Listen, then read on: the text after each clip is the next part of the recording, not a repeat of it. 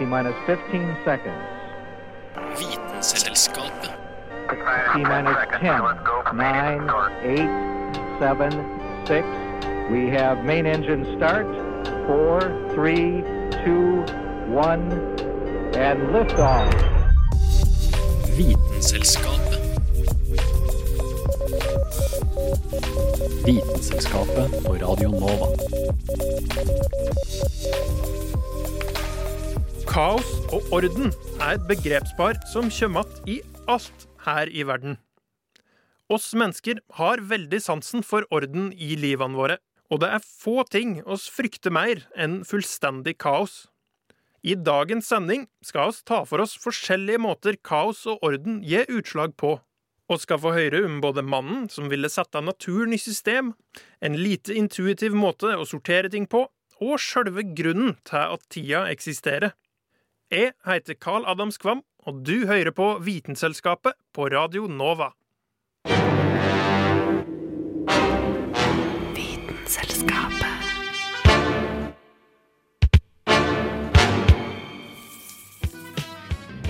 Er det én ting som er mer kaotisk enn noe annet, så er det kaosteorien, eller sommerfugleffekten, som det nå kalles. Du har kanskje hørt at en sommerfugl som flyr i India, kan skape en tornado i Texas. Men hvordan kan dette skje? Som vi ser så er det igjen blitt kuldegrader over omtrent hele landet. Og særlig... Faren for för skogsbränder är mycket stor. Og just nu så har vi i østre Svealand en større skogsbrann som herjer. Og det er just i det här området som I januar og februar. Snøgrensen i sør vil ligge på ca. 1000 meter, litt lavere lenger nordover. Har du hytte i disse områdene, så bør du kanskje tenke på å måke hyttetakene, for her venter Hver kveld etter nyhetene får vi en liten smugtitt inn i fremtiden. Mer spesifikt inn i fremtidige værforhold. Værvarsling er noe mennesker har holdt på med i flere tusen år. Men det er bare de siste ca. 200 årene vi har klart å regne oss fram til så nøyaktige værmeldinger som vi har i dag. På en annen side har du kanskje prøvd å sjekke været på både storm og yr for å se om de er enige i fremtidens temperaturer, men funnet ut at de har vidt forskjellige vær i vente. Den ene kan forvente regn, mens den andre forventer sol og skyfri himmel. Det kan være utrolig frustrerende når man skal planlegge en tur på stranda. Men hvorfor er det egentlig så vanskelig å melde om været? Været, på lik linje med bl.a. aksjemarkedet, veitrafikken og solsystemet, er kaotisk. Innen matematikken vil dette si at det er veldig vanskelig å forutse fremtidige trender, selv om vi har mer enn nok formler til å regne det ut. Grunnen til dette er at alle disse systemene er avhengig av flere variabler. I trafikken f.eks. kan du ha flere tusen biler på en vei. Hver av dem en variabel, for hvis én plutselig bråbremser, har det konsekvenser for flere biler bak i køen. Når det gjelder været, må man ta høyde for en rekke vinder og temperaturforskjeller som kan påvirke hvor skyene blåser, som igjen påvirker om det blir sol eller regn.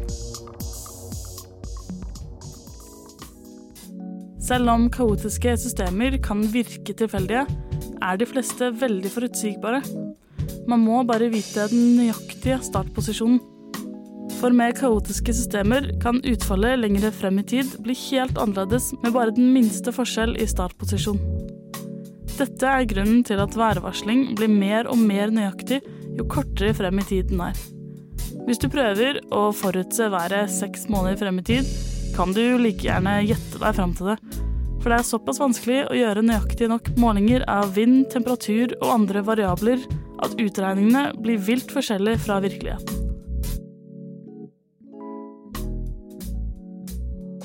De første moderne værvarslingene tok flere uker å regne seg fram til for hånd, men kunne bare varsle været to uker fram i tid. Noe som vil si at innen utrekningene var ferdig, hadde været allerede kommet og gått. Denne saken var laget av Julianne Li Fjell. There's hydrogen and helium, then lithium, beryllium, boron, carbon everywhere, nitrogen all through the air with oxygen so you can breathe. Du hører på Vitenselskapet på Radio Nova. Magnesium, aluminium, silicon, phosphorus, then sulfur, chlorine, then argon, potassium, and calcium, so you'll grow strong. scandium, Titanium, vanadium, and chromium, and manganese. Når det fins flere dyrearter og planter enn hos veitum, hvordan skal oss da klare å helle orden og styr på de nye artene oss finner, og dem oss allerede har? Dette var det en mann på 1700-tallet som prøvde å logge et system for.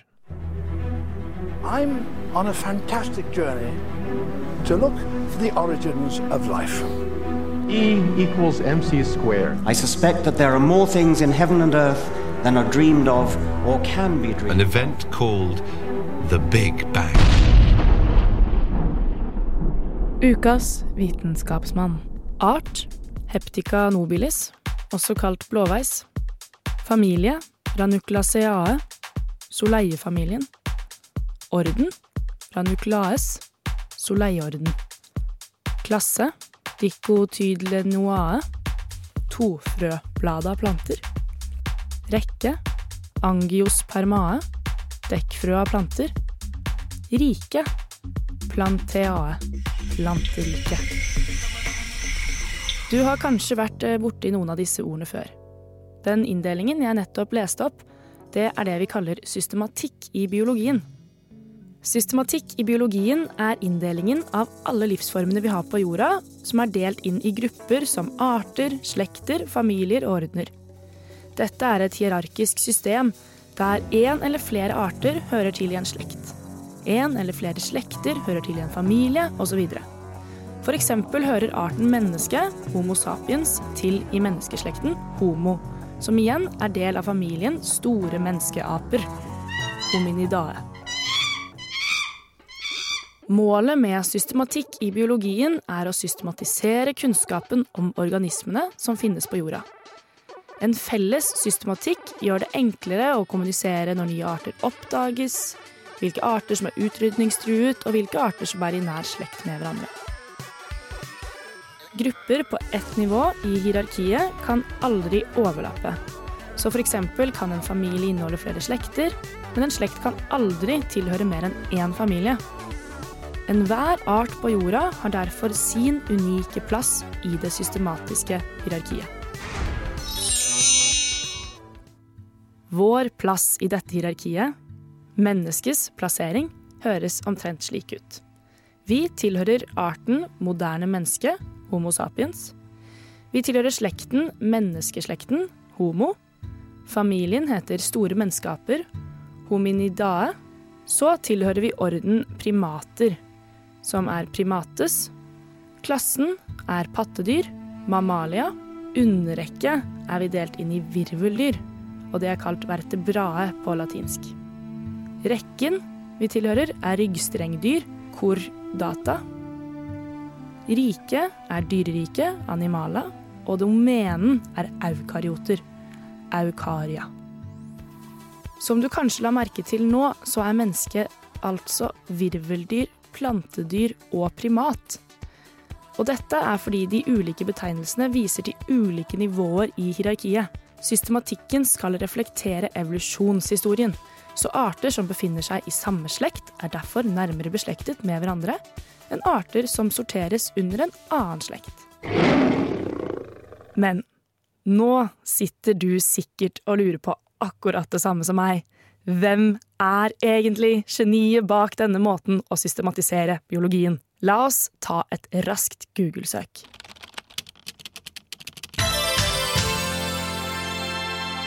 Det var svensken Carl von Linné som på midten av 1700-tallet foreslo den moderne, hierarkiske inndelingen av jordas organismer.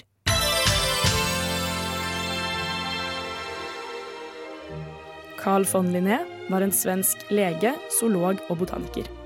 Allerede i en alder av 23 overtok han forelesningene ved og forvaltningen av Den botaniske hagen i Uppsala. Linné har i historien betydd mest som systematiker.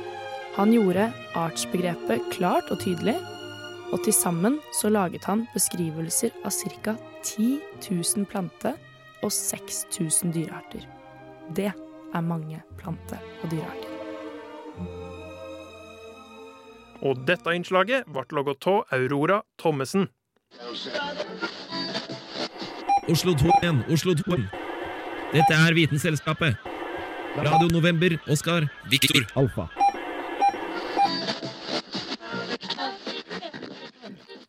Alle veit hvor irriterende det er å ikke finne at ting en trenger, sjøl om en veit at en har det her en eller annen plass.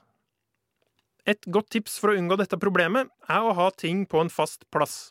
Ikke sant? Vel, nå skal vi få høre om et bibliotek som lagrer bøkene sine hulter til bulter. Hvis du går inn på et vanlig bibliotek for å låne en bok, så vet du hva du skal gjøre. Først finner du seksjonen med riktig sjanger, f.eks. skjønnlitteratur. Deretter går du alfabetisk bortover. A, B, C Der, ja. Du har funnet navnet på forfatteren, og der er boka du så etter. Et eh, ganske enkelt system. I hvert fall et som jeg er blitt veldig vant til. Men la oss nå si at noen river ut alle bøkene av hyllene sine og setter dem på plass igjen, helt tilfeldig. Ikke så lett å finne boka du så etter nå, eller hva? Så hvorfor har Nasjonalbiblioteket valgt å gjøre nettopp dette, nemlig å sette 1,3 millioner bøker helt hulter til bulter? Når du går inn dørene til et av automatlagrene til Nasjonalbiblioteket i Mo i Rana, vil du se at det er gigantisk. En svær hall med hyller fra gulv til tak. Hvis du står nederst og ser opp, kan du nesten ikke se den øverste raden. Og på hver hyllerad, tett i tett med sølvfarga kasser. I hvilken av disse titusenvis av identiske stålkassene ligger boka di? Svaret er den kan være hvor som helst. Oi, nå må du passe deg litt. Eh, en av de fem automatiske robotkranene er på vei for å plukke opp en av kassene og sender den nedover rullebåndet. Robotkrana har tydeligvis fått en beskjed fra dataen som styrer det hele. Dataen har nemlig full oversikt over hvilken bok som er hvor. Når stålkassa kommer til enden av rullebåndet, plukker et menneske ut den riktige boka og skanner den. Så skanner de en bok som skal inn til lagring, legger den på en ledig plass i kassa, skanner kassa og sender den av gårde. Hvor boka havner, er med andre ord helt tilfeldig, som nok føles litt feil for mange. Dette kalles kaoslagring, og gjør at man sparer både tid og plass. Med et vanlig system vil man jo måtte lete seg fram til riktig hylle, og så, når man skal legge noe på plass igjen, blir man kanskje nødt til å gå til en helt annen bokstav. Og siden man vet at det kommer til å komme flere bøker i framtida, men ikke vet hvilken bokstav disse kommer til å begynne på, så må man med et alfabetisk system sette av god plass på alle bokstavene. Når du bare kan dytte det inn der du vil, trenger du ikke like mange hyller. Kaoslagring høres med andre ord ulogisk ut, men er egentlig ganske finurlig. Med mindre dataen med oversikten over hvor alt er, plutselig krasjer, da.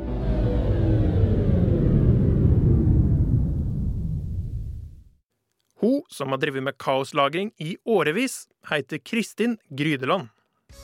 Vitenselskapet. Vitenselskap. Vitenselskapet. Vitenselskapet. Vitenselskapet. Universet i seg sjøl er òg organisert, men òg ganske rotete. Faktisk blir det for hver dag som går, mer og mer uorden. Hvis du lar en varm kopp med kaffe bli stående på bordet en stund, hva er det som skjer da? Jo, den blir jo kald. Det er jo ikke så vanskelig å forstå, siden temperaturen i kaffekoppen er mye høyere enn temperaturen på bordet.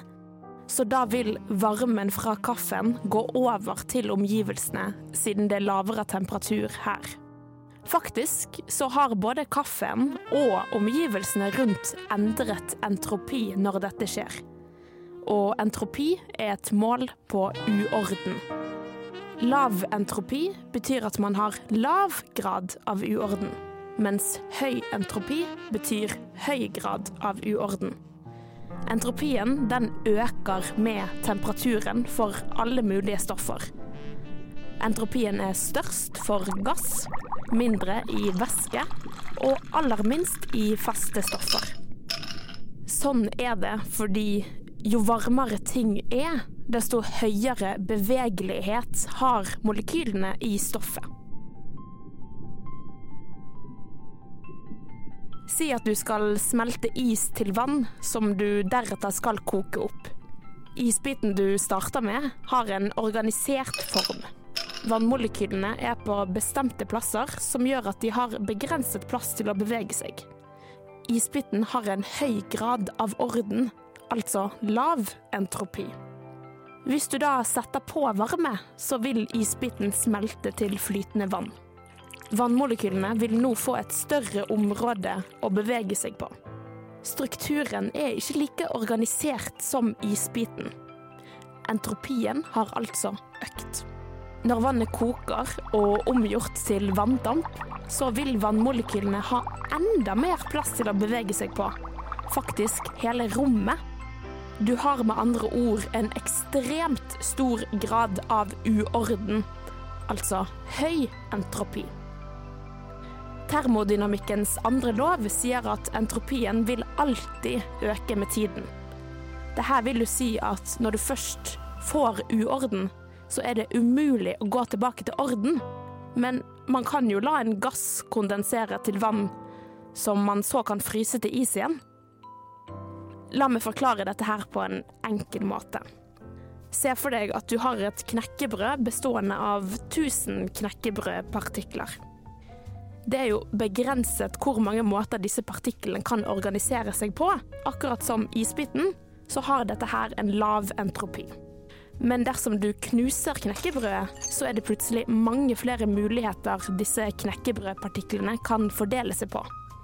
Og hvis disse knekkebrødpartiklene får også bevege seg fritt, så er sannsynligheten for at partiklene tilfeldigvis danner et nytt knekkebrød, den er lik null. Man kan kanskje til og med si at det er umulig. Med andre ord så er entropien for alltids større etter at du knuste knekkebrødet.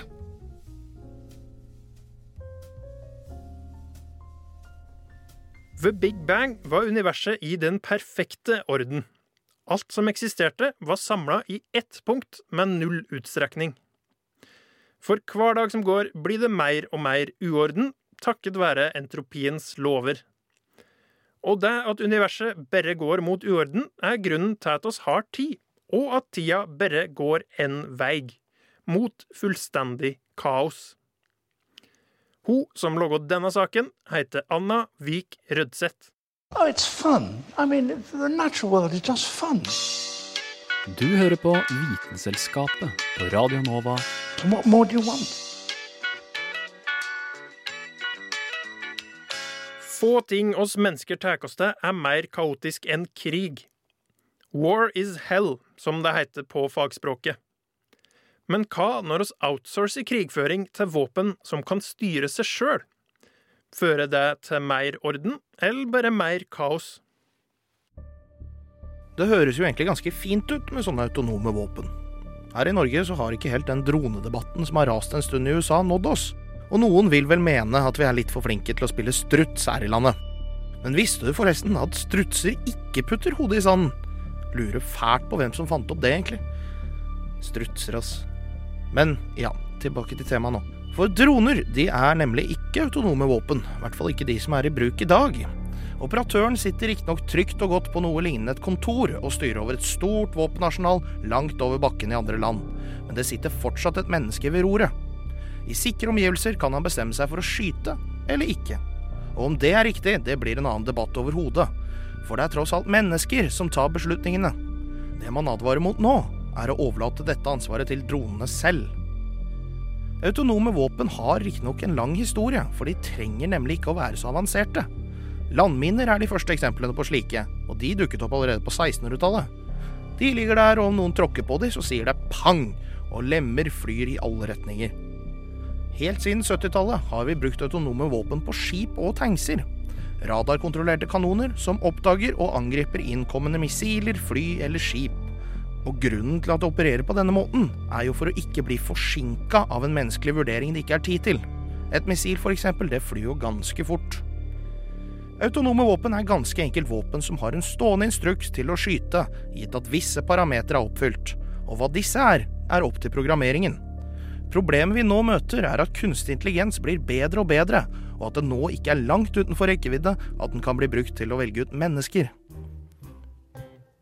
Våpnene har vi allerede. Det er den kunstige intelligensen vi eventuelt setter til å skjøtte dem, som er skummel. I 2008 samlet det seg en gruppe forskere på Oxford og hamret ut noen tall. De regnet seg fram til at det er 19 samlet sannsynlighet for at hele menneskeheten er utryddet innen 2100. Da tenker man kanskje at det er atomkrig som er den store faren. Men faktisk er det sånn at mest sannsynlig ville menneskeheten ha overlevd en atomkrig. Og risikoen for total utryddelse ble bare oppgitt til 1% sjanse. På topplasseringen derimot, med hele 5% av disse 19% finner vi kunstig intelligens. Og En av grunnene til at han nå advarer så sterkt om kunstig intelligens i våpenproduksjon, er at vi ikke forstår dem. For hele roten til kunstig intelligens er at det er noe som lærer og tilpasser seg. Tenker, om du vil, men tenker som en maskin. For en art som oss, som har fryktelig lett for antropomorfisering, er det lett å gå ut ifra at de tenker som oss. Så utover faren for at teknologien havner i feil hender, som kan misbruke dem på forferdelige måter, er også risikoen for at vi kan rote det til selv. Det skal ikke voldsomt mye til før en misforståelse oppstår, og det kan være katastrofalt. Ulne ordre kan gi maskiner som kan tolke dem litt feil. I hvert fall i forhold til hvordan en person hadde tatt det. Målmutasjon, altså at man gir intelligensen ansvar og mål om f.eks. å beskytte en utsatt folkegruppe, og den finner ut at den mest effektive måten å gjøre det på er å utrydde alle andre folkegrupper, hadde jo vært litt kjedelig. Men dette er illustrerende eksempler fra en lekmann, om teknologi selv ekspertene på den ikke har helt kontroll på. Men de vet mer enn meg, selvsagt. You get the picture anyways. Så oppropet som har kommet nå, ber om en stopp på utvikling av offensive autonome våpen som kan velge ut mennesker, for å hindre AI på avveie. Men også for å stoppe et våpenkappløp før det har begynt. Hvis noen først har dem, så må jo alle ha det. Mannen bak denne saken var Dag Løvold Magnussen. Du hører på Vitenselskapet på Radio Nova.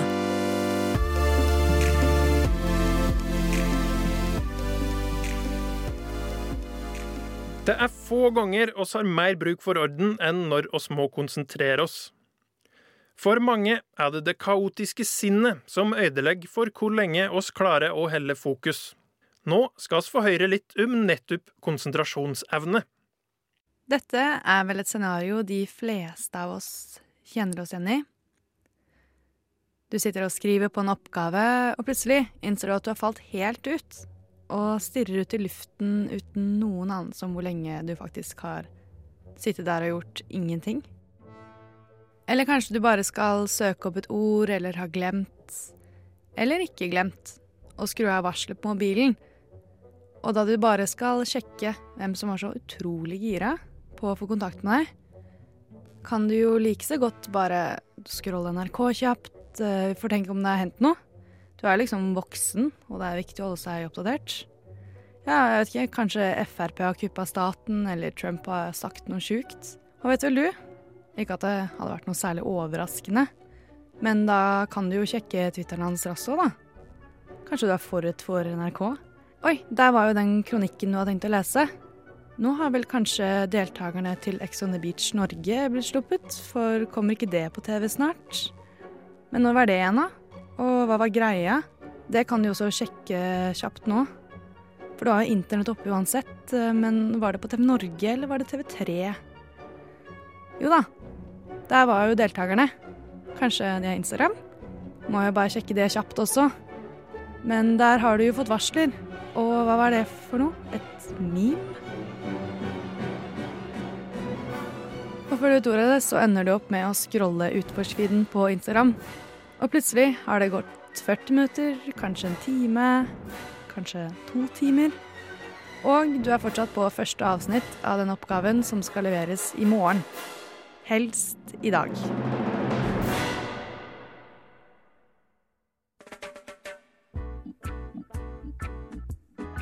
Puh. Nå håper jeg ikke at jeg ikke bare snakker for meg selv.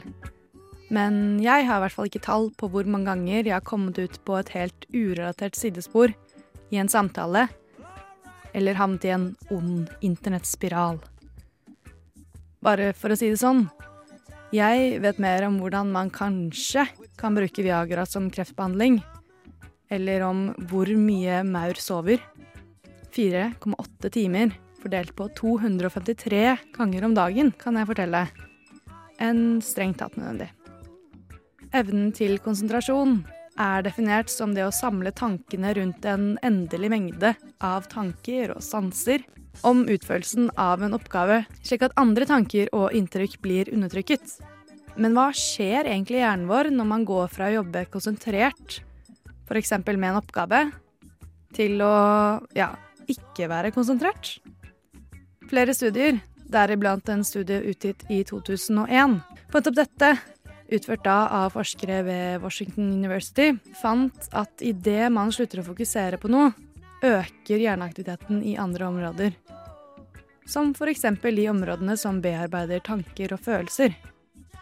Konsentrasjon eller oppmerksomhet er ikke én enkeltprosess som foregår i et spesifikt område av hjernen. For å holde oppmerksomheten så kobler hjernen sammen en hel rekke ulike områder. Det er selvfølgelig et veldig stort spenn på hvor stor tendens man har til å falle litt uh, ut. Og det er jo en viktig forskjell mellom det å kanskje lett bli litt ukonsentrert, spesielt om du holder på med noe du kanskje ikke synes er kjempegøy, og det å ha en oppmerksomhetsforstyrrelse som ADD, Attention Deficit Disorder, eller ADHD, Attention Deficit Hyperactivity Disorder. Hvor selektiv du er, og hvor intenst du konsentrerer deg, har også mye å si. Multitasker du, eller har du Facebook oppe mens du leter etter gode kilder, så er nok dessverre sannsynligheten større for at konsentrasjonsnivået i hvert fall på en av de tingene du gjør, faller noe. Andre ting, som f.eks. depresjon, medisinbruk, stress, støy og også søvn, vil kunne ha effekt på hvor konsentrert du klarer å være på det du skal gjøre. Dessuten varierer du også dette med alder. Barn har jo som kjent ikke alltid like lett for å holde fokus og konsentrere seg om leksene eller å fortelle ferdig denne historien fra barnehagen, før de begynner å tenke på og prate om noe ganske annet. Det er ikke før i 20-årene at slike kognitive prosesser faktisk begynner å bli ferdig utvikla. Og etter hvert som du blir eldre, kan evnen til å konsentrere seg om å utføre enkle oppgaver ta noe av. Og det er dessverre ikke bare bare å fortsette arbeidet i samme modus når du først har mistet konsentrasjonen. Ifølge forskning fra Carnegie Mellon University kan bare det å få den tilbake ta opptil 25 minutter. Hvis man da tar i betraktning at en kontoransatt ifølge forskning i gjennomsnitt blir avbrutt hvert tredje minutt, ja, da ser vi på litt dystre funn. Det finnes selvfølgelig nok av selvhjelpsbøker og selvhjelpsguruer som hevder at de har oppskriften på hvordan oppnå bedre konsentrasjonsnivå og fokus. Men hittil finnes det ikke noen god empirisk forskning som kan gi et fasitsvar på hva som kan funke, og hvorfor det eventuelt skulle funke. Men tips som visstnok kan ha noen effekt, er å ha god døgnrytme, nok søvn, fysisk trening og frisk luft, og å da ikke multitaske og heller forsøke å eliminere eventuelle forstyrrelser rundt deg, som lyd eller ja, blinkende telefoner. Den saken her ble logga av Sunniva Sol Standnes Blix.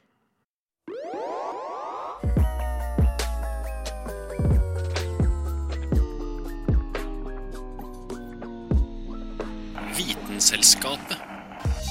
Det var alt vi rakk for i dag. Håper du har kosa deg, og at du ble litt klokere. Du kan høre oss opp igjen på både Soundcloud og radionova.no, eller i hva som helst podkast-app.